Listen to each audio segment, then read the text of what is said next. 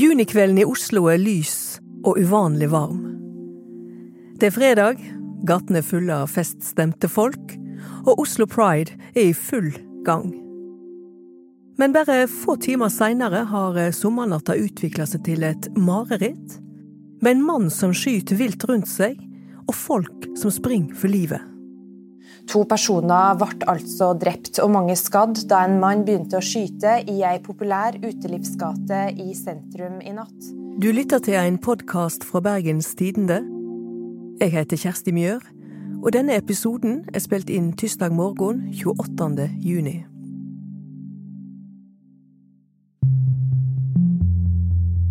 Frank Rossavik er tidligere politisk redaktør i Bergens Tidende, og jobber i dag som kommentator i Aftenposten i Oslo. Fredag kveld er han i Pride Park i Spikersuppa sammen med kjæresten sin og en kompis. Kvelden er ung, stemninga lett og fin, og Trekløveret bestemmer seg for å gå videre til London pub, en pub Rossavik har vanka på i rundt 40 år.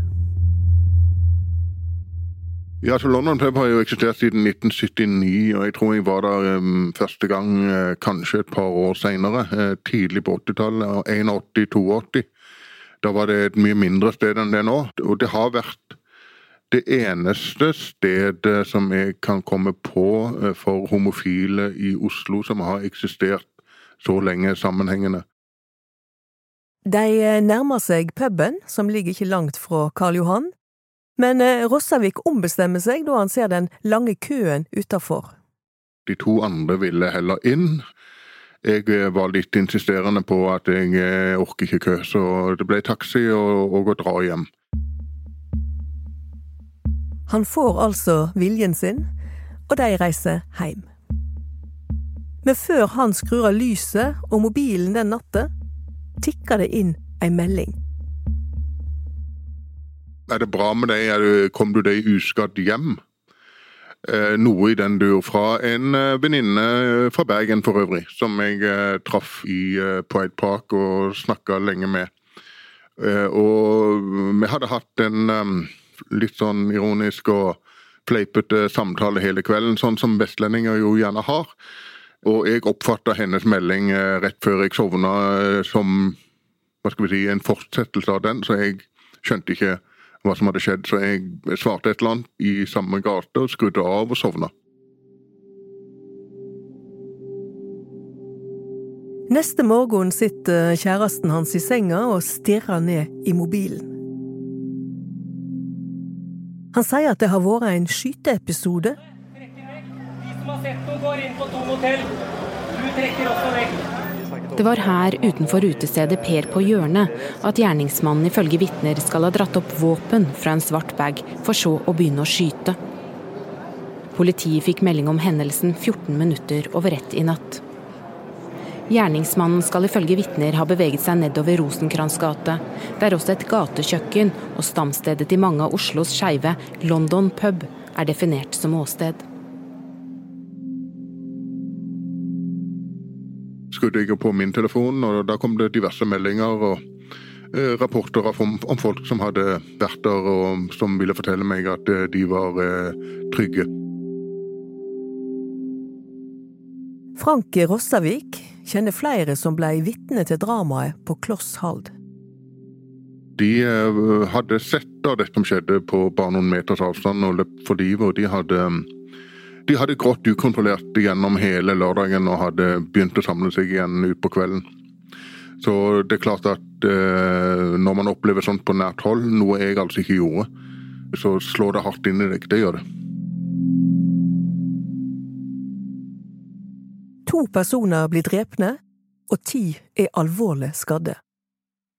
Politiet pågriper gjerningsmannen kort tid etter masseskytinga.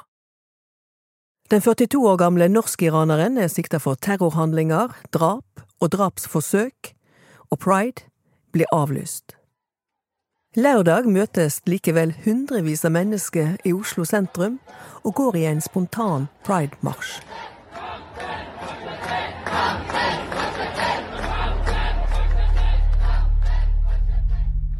Dagen etter skytinga skriver Rossavik en kommentar.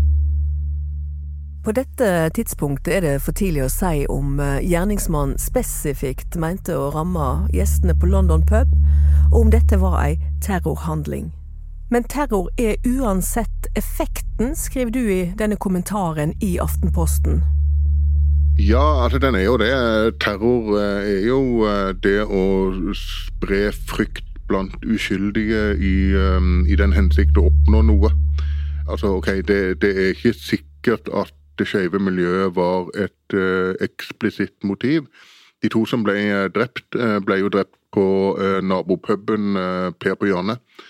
Men han begynte å skyte inn gjennom vinduene på London pub, og det er vanskelig å tenke seg at det var et helt tilfeldig åsted.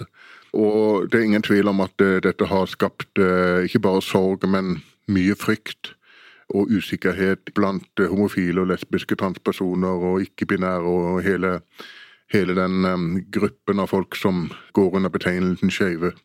Vil det som skjedde på London pub få konsekvenser for den offentlige debatten om uh, kjønnspolitikk, uh, tror du? Altså Selvfølgelig uh, vil jo denne, denne, hendelsen få konsekvenser for debatten om eh, pride, debatten om eh, diverse skeive saker, for debatten om islamisme og um, islam. Så det er klart det, det er jo allerede i gang. Um, det um, som jeg syns er viktig, er jo at legitime debatter må fortsette. Og at uh, terroristen ikke, ikke, skal ha noen makt til å uh, stoppe kjeften på folk, så lenge de har saklige og legitime anliggender, og uansett hva eh, temaet er. Du er jo en eh, voksen mann på 56 år, og du har levd som eh, åpen homofil i mange tiår. Men hva tror du drapene i Oslo i helge gjør med unge skeive som står på terskelen til å komme ut som den de er? Jeg tror jo at nettopp de store arrangementene i forbindelse med pride er den anledningen enkelte bruker for å ta steget ut i miljøet. Og det dreier seg både om unge som kommer til Oslo kanskje for første gang for å gå på en, en, en fest, eh, og også eldre folk som har vært i skapet lenge. Jeg, jeg, jeg har jo møtt mange sånne på London i, i, årenes løp. Det er jo ingen tvil om at dette virker enda mer eh, minst like, og kanskje enda mer rystende på, på, på de som på andre. Men hvis du spør om jeg er pessimistisk eller tror at dette kommer til å få lang, langsiktige konsekvenser i negativ retning, så tror jeg egentlig ikke det.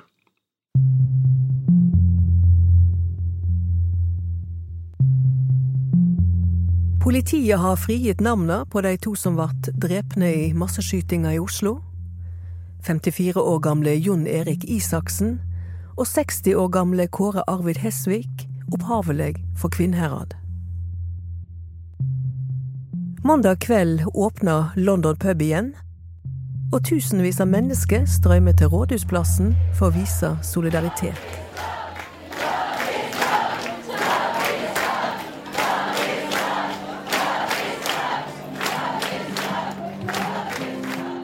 Du har lytta til Hva skjedde? En podkast fra Bergens Tidende. Ansvarlige for denne episoden er Anna Magnus, Anna Offstad, Henrik Svanevik og Kjersti Mjør. Du har hørt lydklipp fra NRK.